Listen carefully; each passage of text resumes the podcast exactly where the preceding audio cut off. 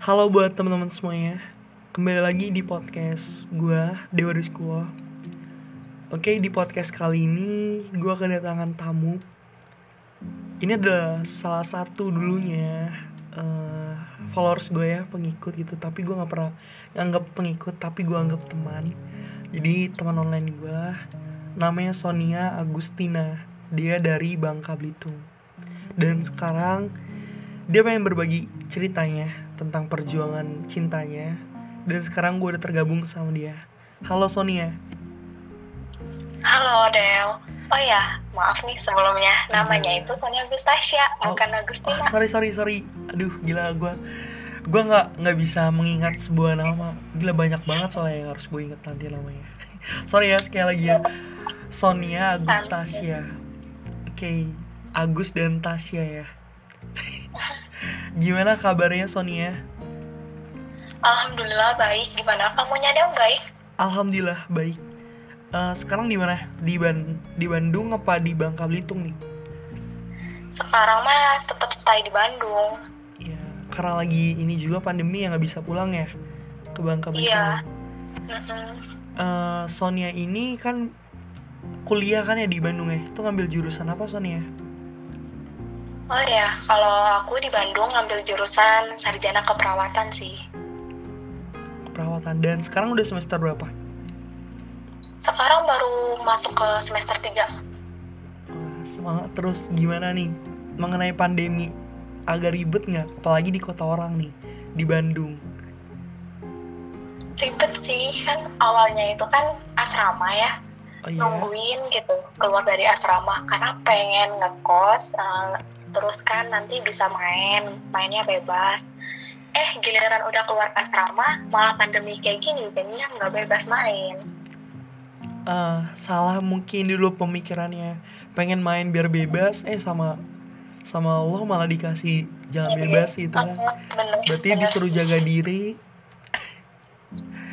Uh, oh ya uh, dulu kita kenal dulu pertama awalnya dari grup kan ya Sonia ya Iya. Grup WhatsApp dari gak sih? Udah berapa lama sih ikutin saya di Instagram? Lama kan ya kayaknya? Uh, kayaknya satu tahun deh, soalnya kan tahun kemarin aku ngikutinnya. Udah satu tahun ya. Sampai nge-support banget dulu. sampai dulu tuh kemar uh, Sonia pernah cerita ya. Uh, sampai gimana? Cowoknya inget banget gak? Oh, pernah cerita tuh. Oh iya yang itu.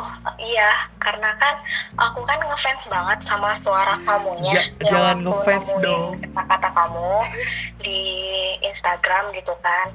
Nah aku tuh sempet cerita sama cowok aku. Jadi tuh kata dia ya udah batas batas batas fans aja ya jangan lebih gitu. Ya gitulah pokoknya dia mah tahu sih nggak support juga. Hmm. karena itu kan hobi aku gitu Iya saling memahami dan mengerti aja ya. Soal iya benar.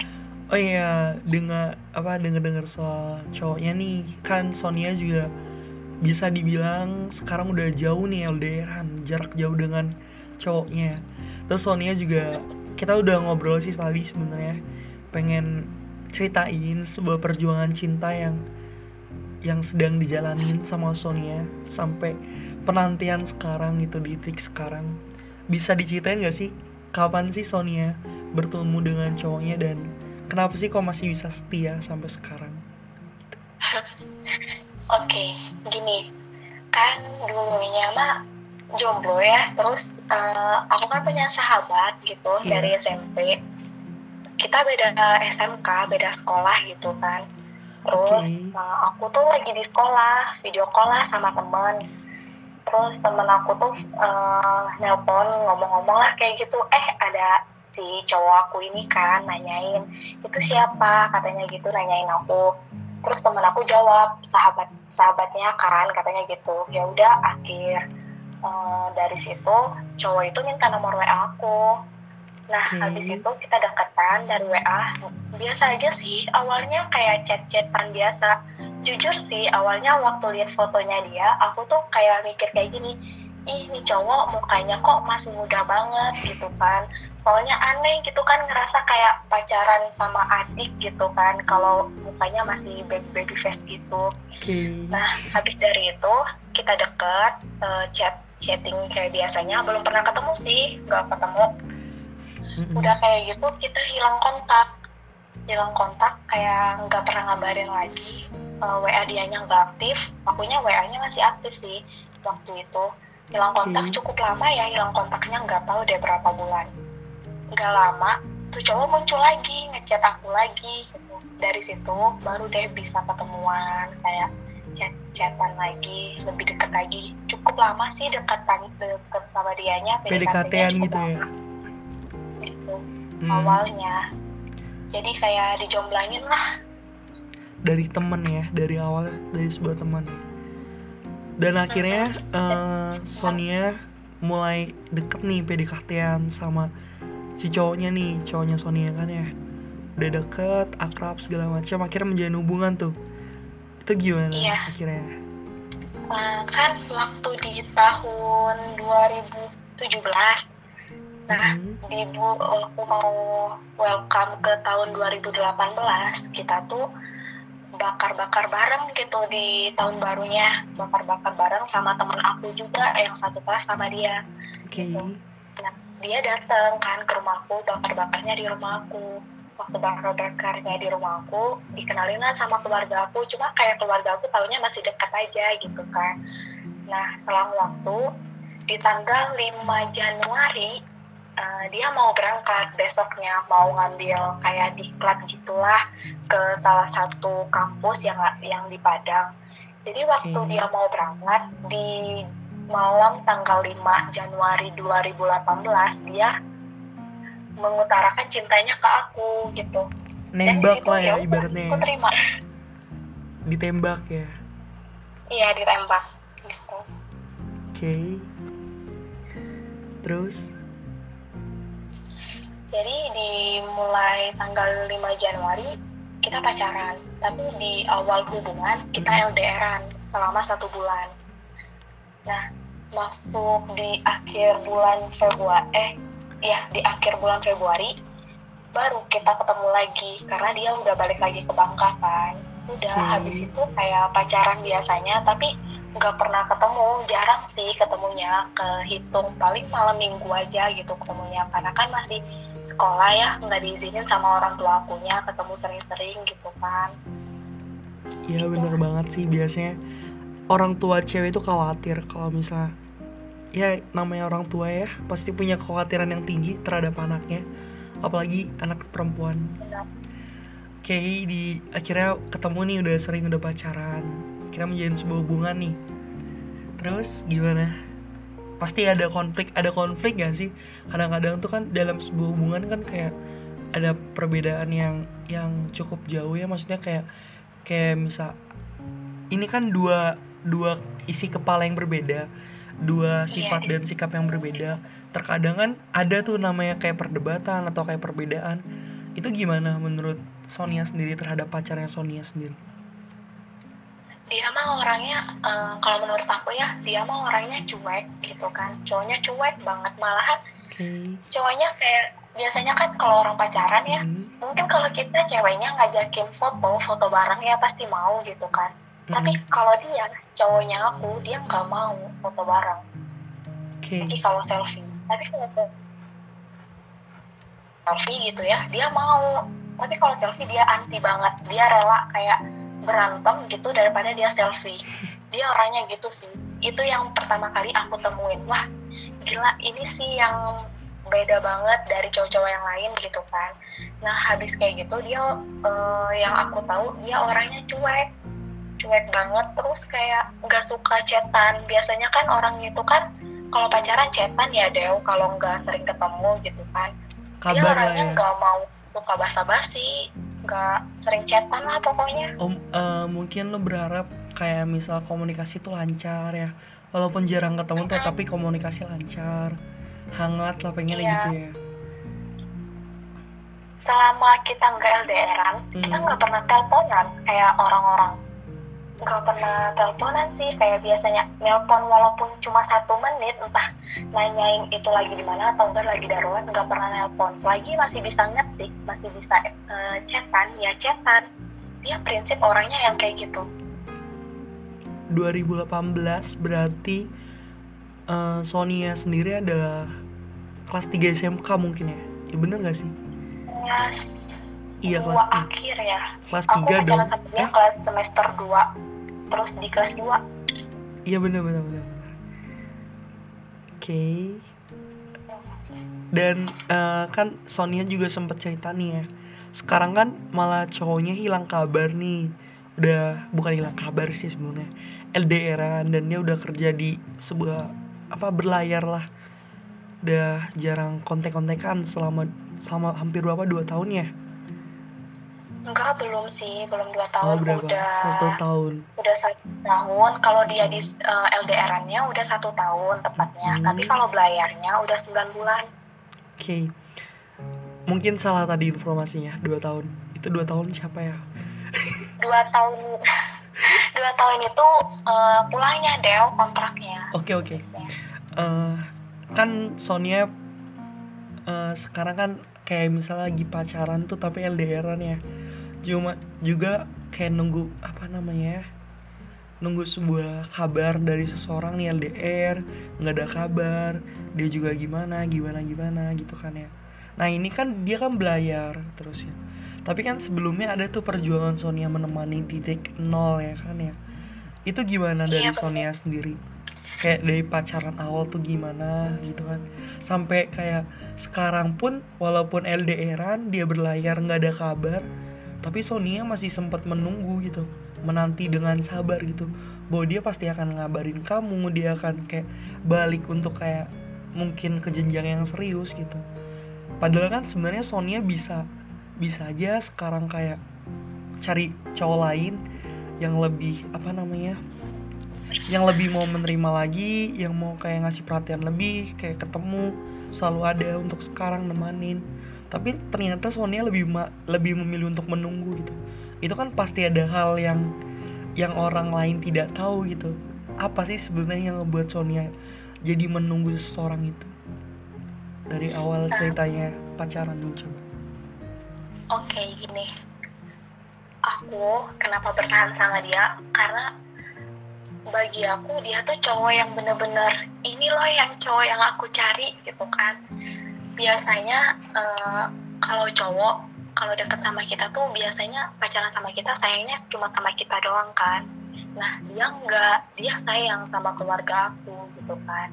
Di saat keluarga aku lagi terpuruk, terpuruk banget, lagi butuh banget em, mungkin support dari orang atau enggak bantuan dari orang gitu kan dia siap ngebantu gitu maupun tenaga eh, uang dia siap bantu itu juga dia kan cari uangnya mati-matian ya. Kemarin sempet dia di gimana ya dia sempet berantem sama orang tuanya sama ayahnya gitu kan. Emang masalah pribadi sih sedikit. Mungkin masalahnya kayak nggak masuk akal. Cuma karena dia emang anaknya nggak boleh main HP di atas jam 9 malam jadi dianya dimarahin lah sama ayahnya kan di saat itu jadi dia lari dari rumah. Dia mutusin lari dari rumah. Aku jemput dia kan. Tapi yang pada saat itu jemputnya adik aku adik aku yang cowok. Dan mama aku juga ngizinin ya udah kata mama aku kan jemput si pacar aku. Soalnya kasihan udah malam nanti tidurnya di mana gitu. Jadi dijemput di saat itu dijemput dibawalah ke rumahku berapa hari dia tidur di rumahku dia ngomong kayak gini. Aku nggak bisa kayak gini aku nggak bisa cuma nerima makan dari kamu doang gitu kan kata dia gitu itu di saat kita udah tamat SMK ya di tahun kemarin Oke. waktu di bulan puasa gitu.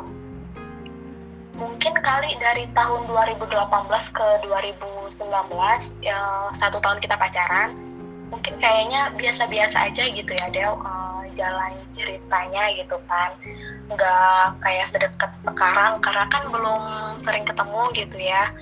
Kalau 2019 kemarin kita sering banget ketemu, mungkin hampir setiap hari sih ketemunya. Jadi di saat itu dia tidur di rumah aku, dia mutusin buat kerja. Aku carilah kerja yang masih butuh pekerjaan gitu kan di pasar jadi aku cari di situ ada lowongan kerja ngangkat cincau. Dewa tahu cincau nggak? Tahu dong. Nah cincau. Dia ngangkat cincau.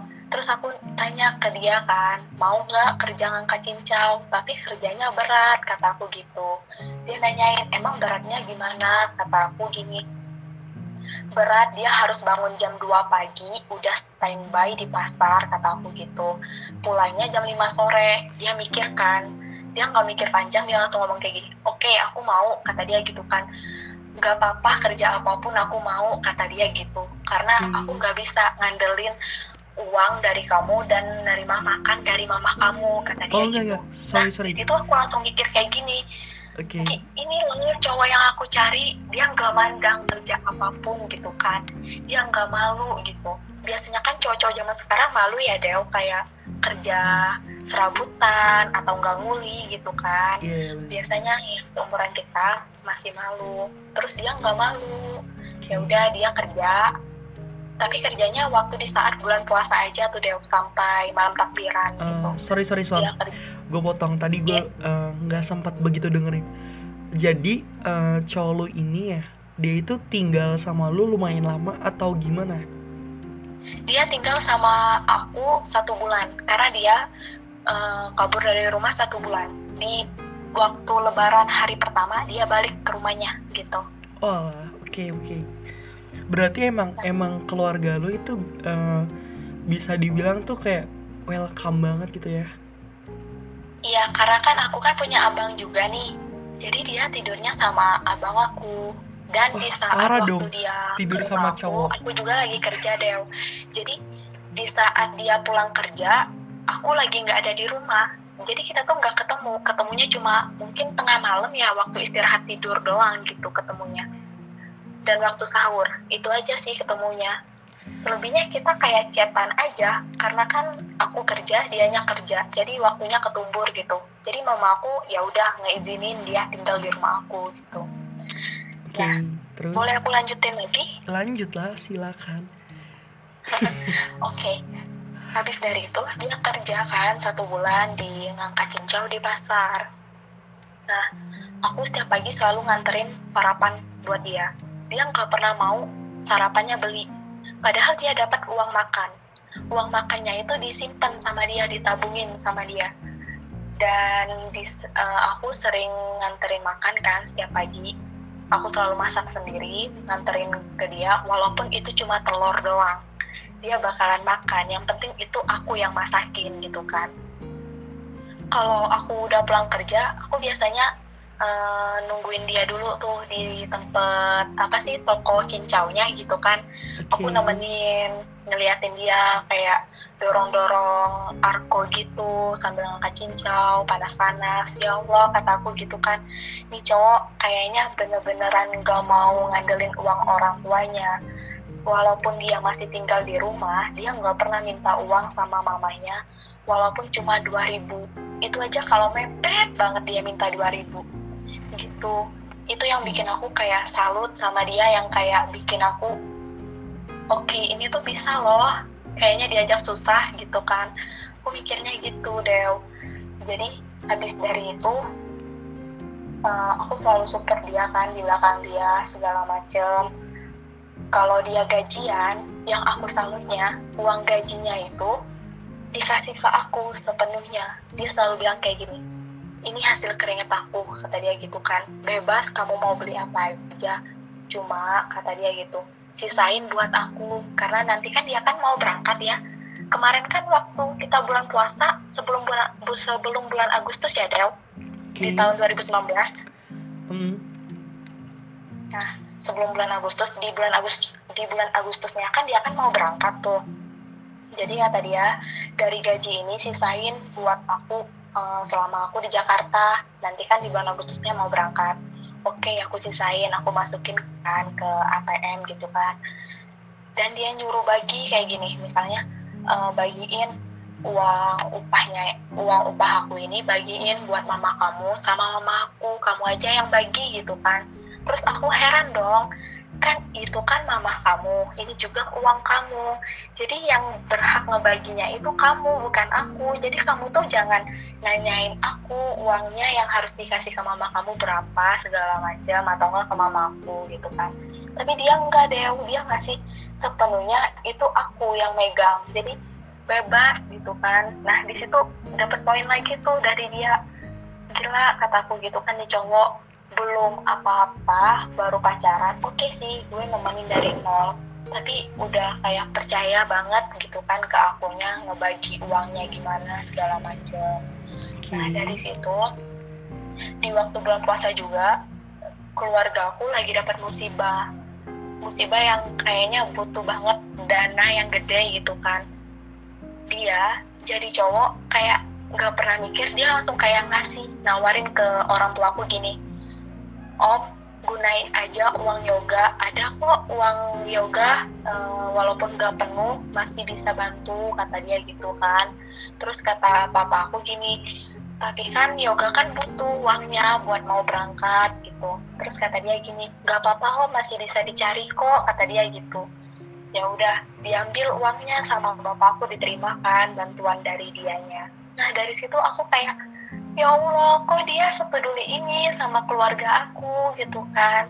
Dia kayak udah mau dia tahu kesusahan keluarga aku dia dia udah nerima gitu kan keluarga aku apa adanya gitu kan. Selain nerima aku dia juga nerima orang tua aku dan keluarga aku. Di situ yang uh, yang bikin aku tuh kayak ya udah fix aku nggak bakalan nyanyain cowok yang kayak gini kata aku gitu. Karena selama ini tuh aku yang ada tuh selalu jadi korban selingkuhan cowok Dew gak gak tahu ya. Jadi sel, uh, pokoknya selalu selalu kalau pacaran itu selalu diselingkuhin sama cowok. Adalah masa lalu di mana menurut tuh adalah kenapa sih gue bisa bisa seperti ini? gitu ya. Apa namanya dapet cowok nggak pernah bener ya. Tapi sekali yang udah iya. dapet malah wow alhamdulillah banget gitu ya. Malah iya. apa yang lu pengen malah itu jauh lebih dari apa yang lu harapkan gitu. Itu keren banget sih. Oke ya, lanjut terus? Akhirnya kan si yoga ini akhirnya poin-poin ya. yang udah tertanam dari yoga lu dapet ini dari dia peduli sampai dia kayak bener-bener kayak deket banget dengan orang tua lu keluarga gitu kan ya. Itu kan ada momen di mana bener-bener lu sama dia bener-bener kayak kenal sama-sama dari nol nih. Gitu kan dan iya. akhirnya yoga pun mungkin berangkat ke Jakarta ya. Untuk kayak ke apa namanya dia akan berlayar gitu.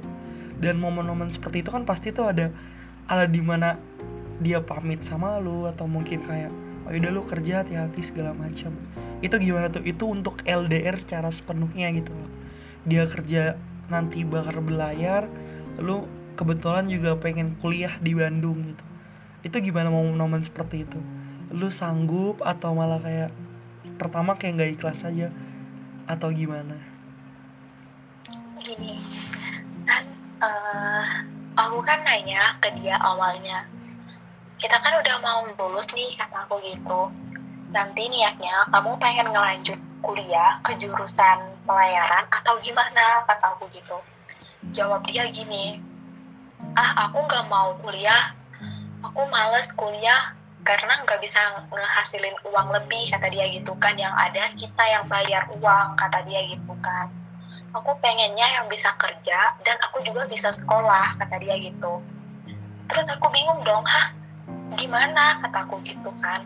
Terus kata dia e, kalau dari SMK pelayaran kita bisa kok berlayar. Selesai berlayar terus dapat pengalaman kita langsung bisa ngambil ngambil gelar lah intinya gitu ngambil gelar. Ya udah kataku emang berlayarnya ke mana? Kata dia ke luar negeri. Terus uh, lamanya itu dua tahun kata dia gitu.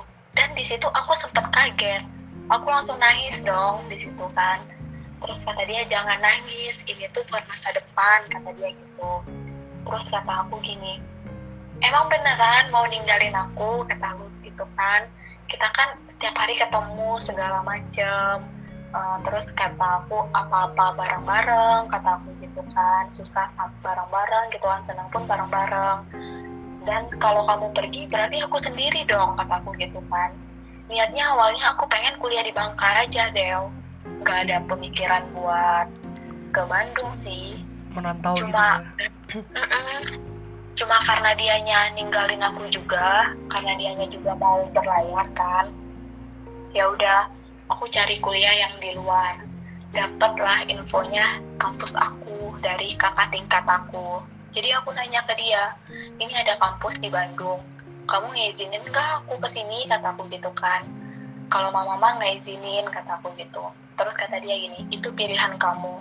Itu buat masa depan kamu kamu yang ngejalanin aku mah bebas kata dia gitu kan. Yang penting niat kamu sekolah bukan niat kamu main kata dia gitu. Terus buat gaya-gayaan.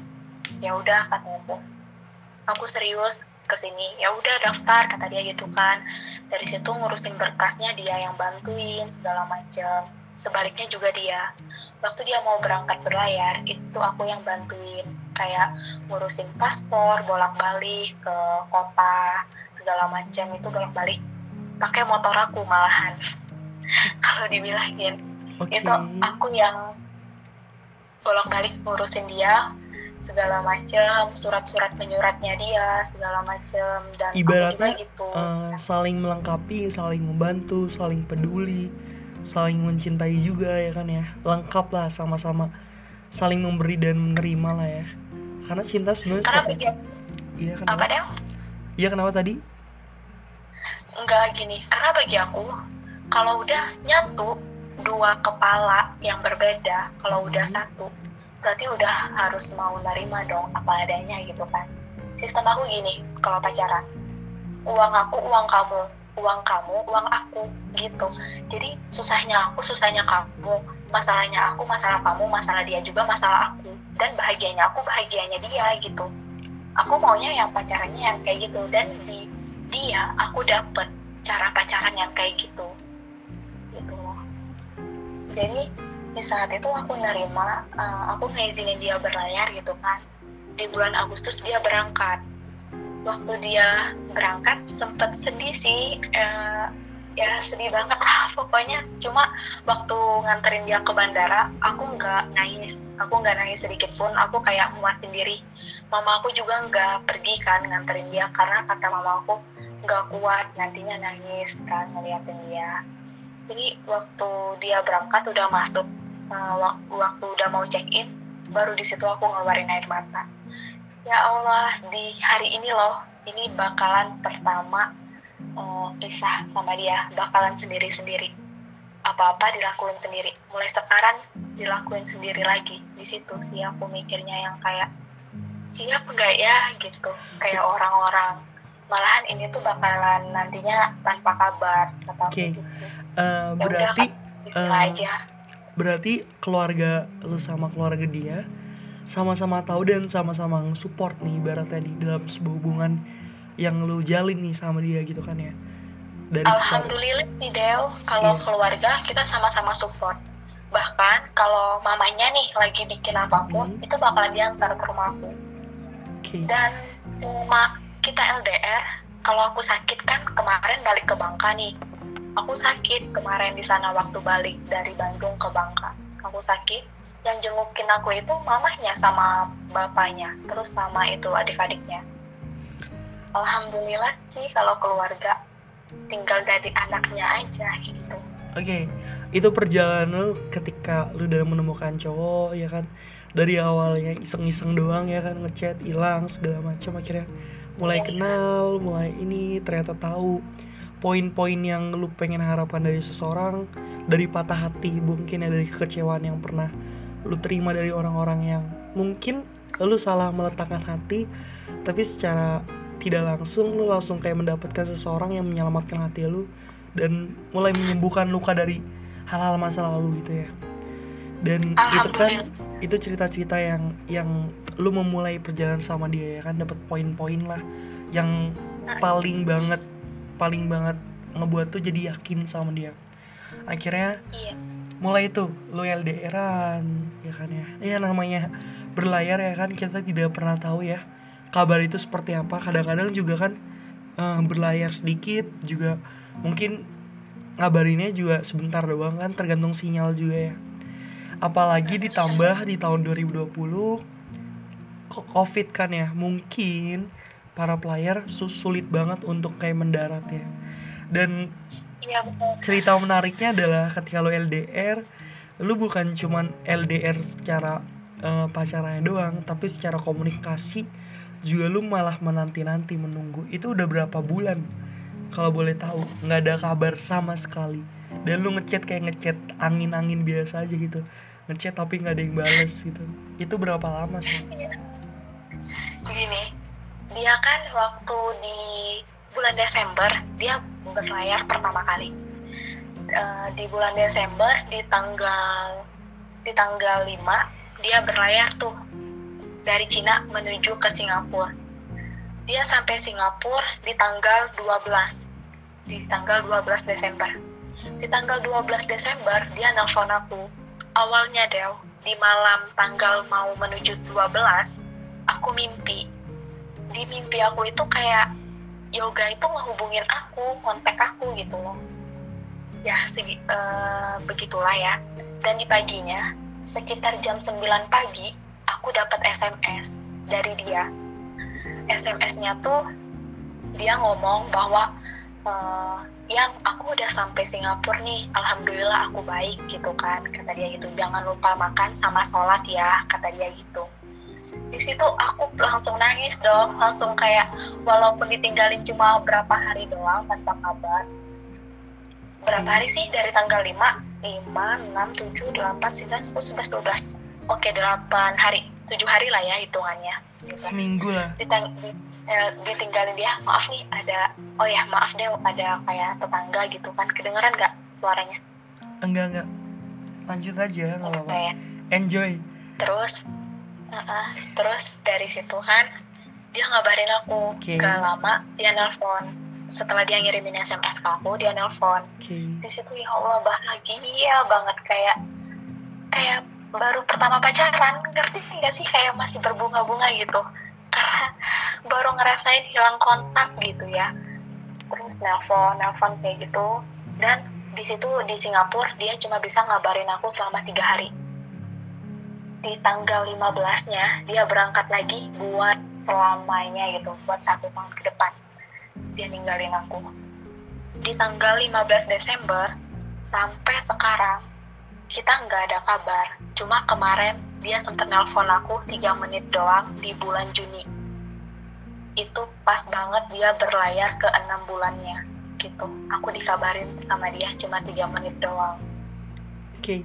Di situ Eh. rasanya oke. Oke di situ rasanya sedih banget dan di situ kayak aku baru ngerasain oh gini loh. Gue mulai sekarang harus bener-bener ngehargain orang yang masih ada atau enggak ngehargain waktu yang setiap harinya gue jalanin gue lewatin gitu. Dan eh, lu pribadi kan ibaratnya selama waktu jangka untuk kayak panjang itu nggak ada kabar gitu kan ya. Ibaratnya kalau kata gue sih ya lu tuh udah LDR terus lu pacarannya tuh pacaran angin gitu. Nggak ada kabar gitu. Lu, lu ada status tapi tuh nggak ada eh, dalam kontak batin eh batin mungkin ada ya. Maksudnya dalam kontak eh, biasa kayak chattingan kabar-kabar itu nggak ada gitu komunikasi. Itu ibaratnya kan kayak pacaran angin aja gitu. Lu cuman tahu sama-sama eh, lu mungkin punya keyakinan kalau gue jaga hati gue buat dia dia mungkin ngejaga hati gue buat eh ngejaga hati gue ya dia jaga gitu dengan cara kayak dia eh, kerja seperti ini ya karena mungkin karena pengen eh, ngasih yang terbaik buat gue ke depannya. Mungkin ya. Iya dan dan secara nggak langsung kan lu kayak mungkin kalau misalnya banyak banyak orang yang berpikir lu termasuk orang yang bodoh nggak sih gitu kan ya? Mungkin ya dari sisi orang yang awam gitu kan ya. Lu ngapain sih nungguin kayak gitu nungguin kalau misal lu cerita gue pacaran cuman gue kehilangan kontak sama pacar gue LDR dan nggak ada kabar. Mungkin orang bakal berbilang ngapain sih bodoh banget tuh cari lagi lah. Cowok masih banyak banget gitu tapi kalau iya misalnya benar. Banget yang ngomong kayak gitu Iya. Del tapi misalnya kalau misalnya orang dengerin cerita lu lebih dulu mungkin orang oh pantesan ini ya yang ngebuat lu menunggu yang ngebuat lu menanti dengan sabar yang lu masih bisa ngejaga perasaan lu buat dia berarti sampai seperti ini ya gitu kalau misalnya orang tahu dengan cerita lu gitu. Dan yang ngebuat gue bingung adalah kenapa lu masih bisa masih bener-bener kayak gue percaya gitu. Ap- eh, sampai pernah lu bilang kan sama gue gue nggak pernah mau ngelakuin sesuatu hal sebenarnya banyak banget yang mau deket sama gue tapi gue nggak pernah mau untuk deketin siapa pun sampai gue bener-bener denger kata putus dari dia atau bener-bener hubungan ini selesai gue baru bisa untuk kayak eh, nyelesain hubungan dan gue buka hati lagi untuk orang lain. Sampai detik itu sampai sekarang walaupun kita nggak ada kabar tapi gue masih percaya kalau dia masih ngejaga hati buat gue dan kenapa lu masih bisa yakin gitu dengan dengan kondisi seperti ini? Kan lu bisa aja gitu deket dengan siapa pun yang yang sekarang malah mungkin bisa kabar-kabaran setiap hari komunikasi bisa ketemu gitu. Itu kenapa alasannya? Pasti ada alasannya dong. Gini kan pertama aku nggak bisa buat sekarang kayak nerima walaupun cuma sebatas perhatian dari cowok lain lah. Nggak bisa beneran. Karena gini deh pertama aku udah pernah ngerasain artinya diselingkuhin ya. Walaupun gak selingkuh gitu niat aku gak selingkuh misalnya ada cowok yang mau ngasih perhatian ke aku tapi itu kan kayak sama aja main di belakang dia karena waktu masih nggak LDR kita tuh nggak pernah kayak nge-save nomor cowok ataupun nge-save nomor cewek. Bahkan kayak ngebahas ngebahas chat lawan jenis gitu kan sama orang lain. Kedua orang tua aku udah bener-bener kayak ngasih ngasih batasan lah kayak gini. Kamu nggak jangan macem-macem ya di luar. Jangan macem-macem. Pokoknya jangan main-main sama hati orang kata mama aku gitu kan sama bapak aku. Kalau kamu berani macem-macem di belakangnya yoga dan kamu dapat yang lain kita satu keluarga nggak bakalan ngasih restu kata mama aku gitu. Karena keluarganya yoga sama kamu kurangnya apa kan kata mama aku gitu. Dan yoga kurangnya apa ke kamu kata mama aku gitu jadi kamu harus ngehargain sayangnya orang ke kamu dan perjuangannya orang ke kamu kata mama aku gitu. Oke dari situ orang tua aku aja tuh kayak nggak ngasih gitu ya. Aku deket sama cowok lain walaupun kayak sebatas teman tapi lebih lah gitu kan eh, kayak perhatiannya gitu. Mereka udah kayak wanti-wanti. Ketiga aku kayak inget banget budinya orang uh, utang budinya sama keluarganya dia gitu kan kebaikan keluarganya ke aku tuh kayak bener deh ini bukan kayak bukan kayak orang asing lagi deh tapi udah kayak keluarga sendiri loh keluarganya dia ke aku. Aku aja di sini di Bandung waktu kemarin masih asrama itu teman-teman aku kan pada balik ya ke Bangka aku nggak balik karena aku disuruh nginep ke rumah keluarganya dia yang di sini. Itu aku kayak uh, waktu datang di rumahnya bener-bener kayak tuan putri lah bener-bener welcome banget keluarganya bener-bener sampai aku nggak enak uh, nerima aku kayak gitu aku bukan belum termasuk keluarganya mereka tapi mereka udah welcome banget sama aku kayak gitu mereka udah sayang banget sama aku di situ sih kenapa aku udah mutusin kalau belum ada kata putus dari mulutnya dia, aku nggak bakalan nge-welcome cowok lain ataupun nerima perhatian dari cowok lain. Oke, okay. Uh, tapi gini, mungkin lo selalu berpikir gini gak sih? Uh, apalagi kan kemarin lo bilang ya, gue tuh sebenarnya juga gue nggak ada rasa capek sih sebenarnya ya, gitu kan kata lo ya. Gue nggak pernah ada rasa capek untuk menunggu, nggak pernah capek untuk kayak menanti segala macam. Tapi uh, lu pernah tuh ada satu momen di mana lu berharap untuk ayolah untuk kita nih jangan cuma status pacaran tapi lu ada pengen ada ikatan lebih gitu. Untuk ada ikatan doang gitu. Lu kan pernah berharap seperti itu ya? Itu gimana sih iya. yang lu rasain gitu? Ada kata nah, harapan ini. itu? Di waktu sebelum dia mau berlayar uh, besoknya dia mau berlayar hari ini kan kita video call bareng nelpon bareng sama keluarganya dia dan aku digabungin kan nelponnya dia ngomong tiba-tiba ngomong ke mamanya mah kalau habis berlayar nanti aku pengen itu kata dia kan. Pengen nge rumah buat aku sama Sonia kata dia gitu. Terus kata aku nah nge-DP rumah buat aku gitu kan. Terus aku nanya kenapa mau nge-DP rumah? Kan kita kan belum ada ikatan yang serius gitu kan. Kata aku kayak aku ngasih-ngasih kode gitu deh kata aku gini daripada kamu nge-DP rumah mending kamu ngikat aku dulu gitu kan tunangan dulu gitu.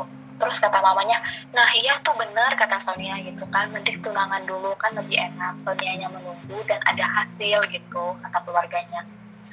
Ya aku diam aja senyum gitu kan. Padahal seneng sih dibilangin gitu kan. Jadi habis dari itu uh, pacar aku juga ngeiyain tadinya gitu. Kalau uh, kata pacar aku ya udah mau gimana gimana nya mau tunangan kayak gimana nanti rancangin aja dulu waktu aku pulang aku balik kita tunangan kata dia gitu kan. Udah ada sih Dew omongan dari dia sama keluarganya. Cuma aku yang sekarang kayak masih nggak yakin gitu. Bener gak sih kalau dia udah pulang nanti dia masih inget sama aku gitu. Tapi kayak memperkuat oh iya nih dia masih inget kok sama aku. Karena yang kemarin waktu dia nelpon di enam bulan dia berlayar itu yang ditelepon cuma aku bukan keluarganya. Dan di situ kan nelponnya kan cuma tiga menit doang tuh. Jadi nggak sempet buat nelpon keluarganya. Jadi dia cuma nelpon aku doang di situ.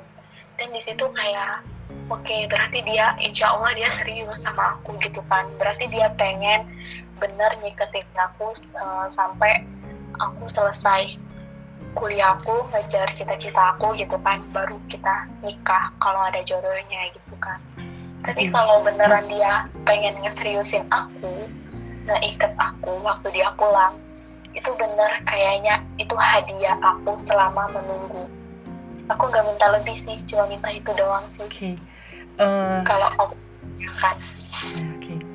Dan akhirnya untuk sampai saat ini ya lu bener-bener kayak nunggu dia ya dengan sabar gitu loh uh, uh-uh. gue sebenarnya sempet sempet mungkin gue ketika lu gue dengar kata-kata lu ya ya mungkin gue seperti orang awam yang cuma bilang lu ngapain sih bodoh banget nungguin orang yang nggak nggak nggak jelas ke mana gitu loh iya kalau misalnya dia bakal balik dan ketemu sama lu tapi kalau misalnya dia udah ketemu dengan orang lain dan malah memilih orang lain dan kata-kata lu yang masih gue inget adalah ya yang terpenting gue mah nggak masalah ya deh kalau misalnya dia gimana kata-kata lu kemarin? Coba lu bilang sendiri. Gue gak masalah dia milih orang lain ataupun dia ngelupain aku waktu dia pulang nanti. Yang terpenting dibalik kesuksesannya dia sekarang belum sukses banget sih. Cuma dibalik kondisinya dia yang sekarang yang bisa bikin dia beli ini bisa beli itu bisa walaupun gak sepenuhnya bisa dia beli itu ada aku dulunya di belakangnya. Ada kebanggaan gitu kan. untuk diri lu sendiri iya kan ya? Iya. Yang penting aku udah bisa bikin tuh cowok maju loh walaupun bukan aku yang nikmatin hasilnya. Yang penting aku tuh udah bangga sih nemenin dia dari nol aku udah ada cerita yang bisa aku ceritain buat anak aku nanti. Gimana sih cinta itu?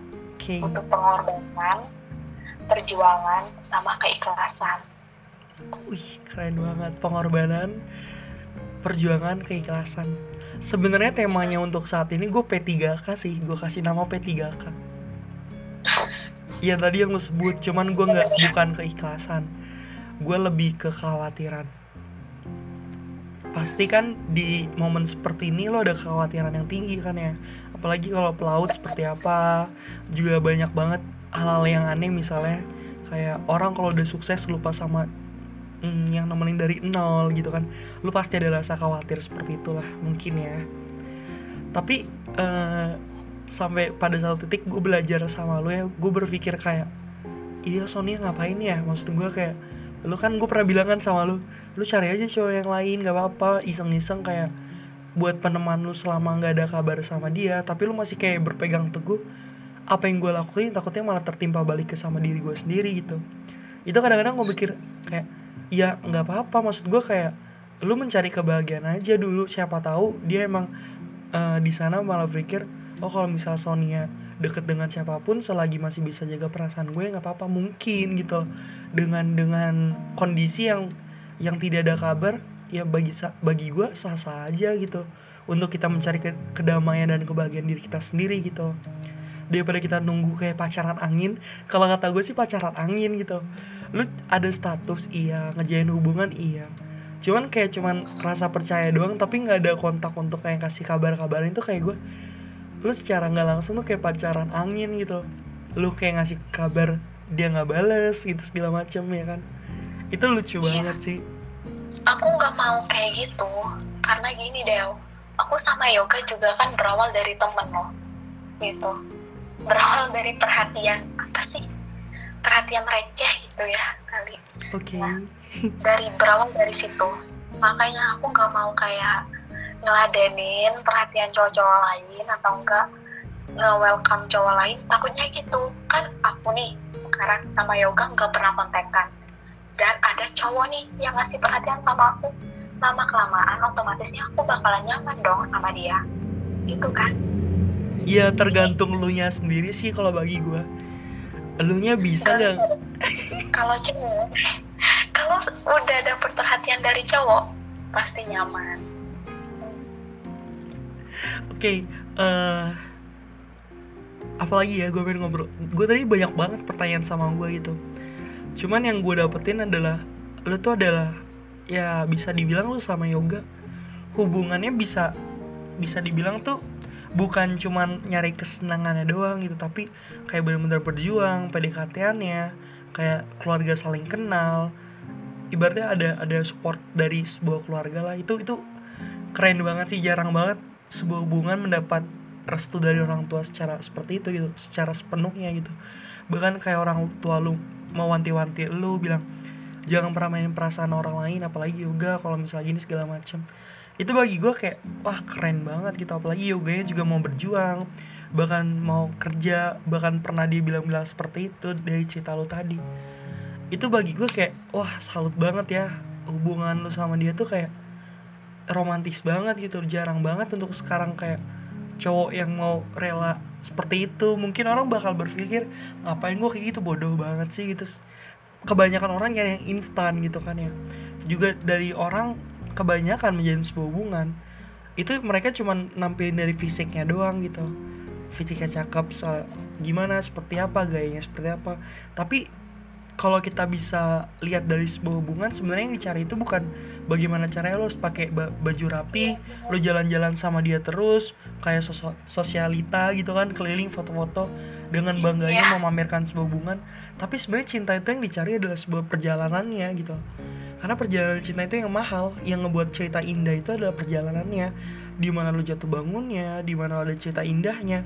Bukan cuman ketika lo memakai sebuah peralatan yang bisa dibilang mewah segala macam. Yang mungkin ada kesan bahagia dan rasa cinta di sana.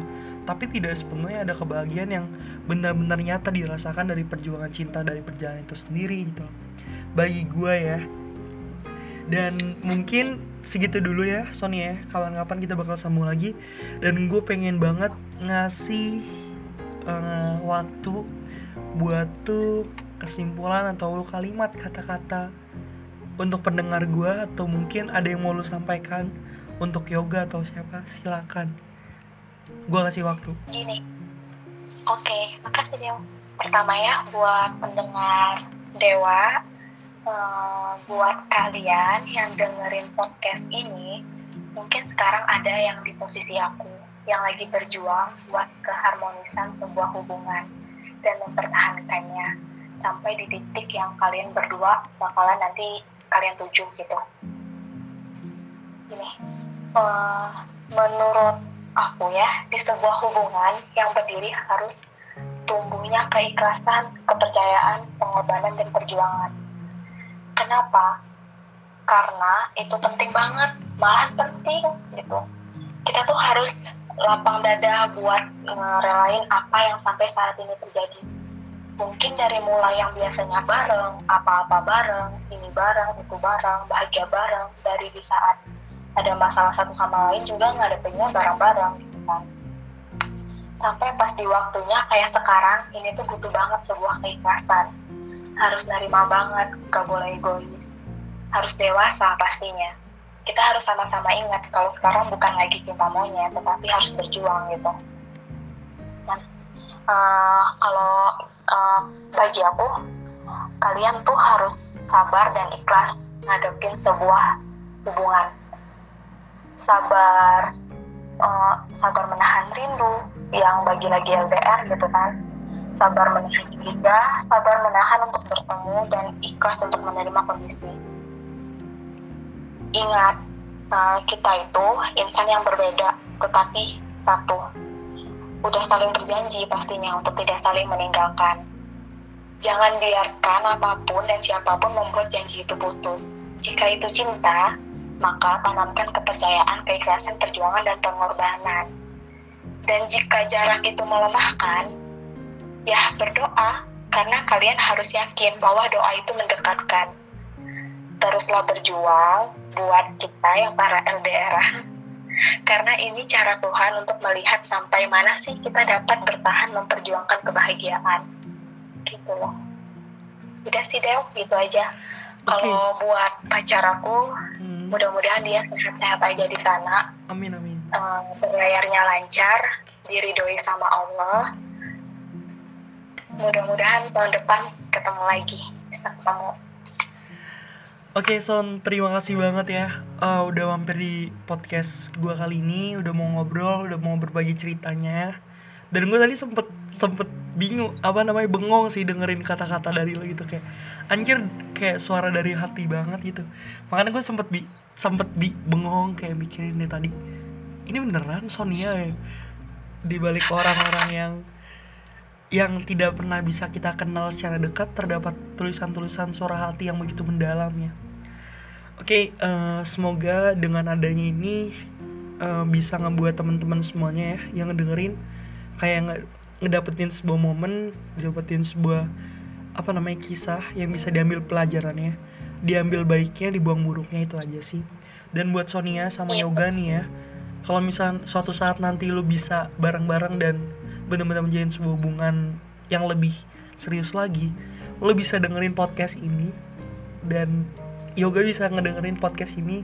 Gimana? Lu sangat istimewa banget di mata cewek yang bener-bener sekarang tuh menunggu lu menanti lu dengan sabar dengan keikhlasan. Walau sebenarnya ada kekhawatiran yang tinggi ada rasa cemburu yang berat dan rasa rindu yang menumpuk. Tapi perlu lu ketahui di balik cowok yang benar-benar sukses terdapat wanita yang benar-benar tulus untuk mengsupport-nya mungkin itu aja ya Son ya. Semangat terus dan semoga kebahagiaan akan terus menghampiri lu. Itu aja.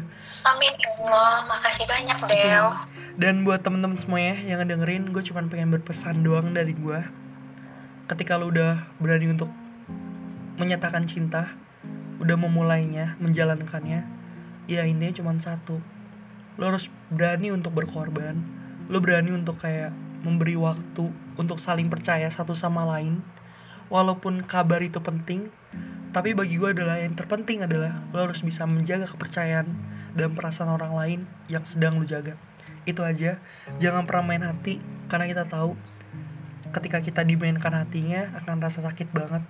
Dan ketika kita pengen bahagia maka bahagiakan orang lain dan diri kita sendiri itu sangat perlu apalagi orang-orang terdekat keluarga sahabat saudara dan seorang yang emang kita sayangi.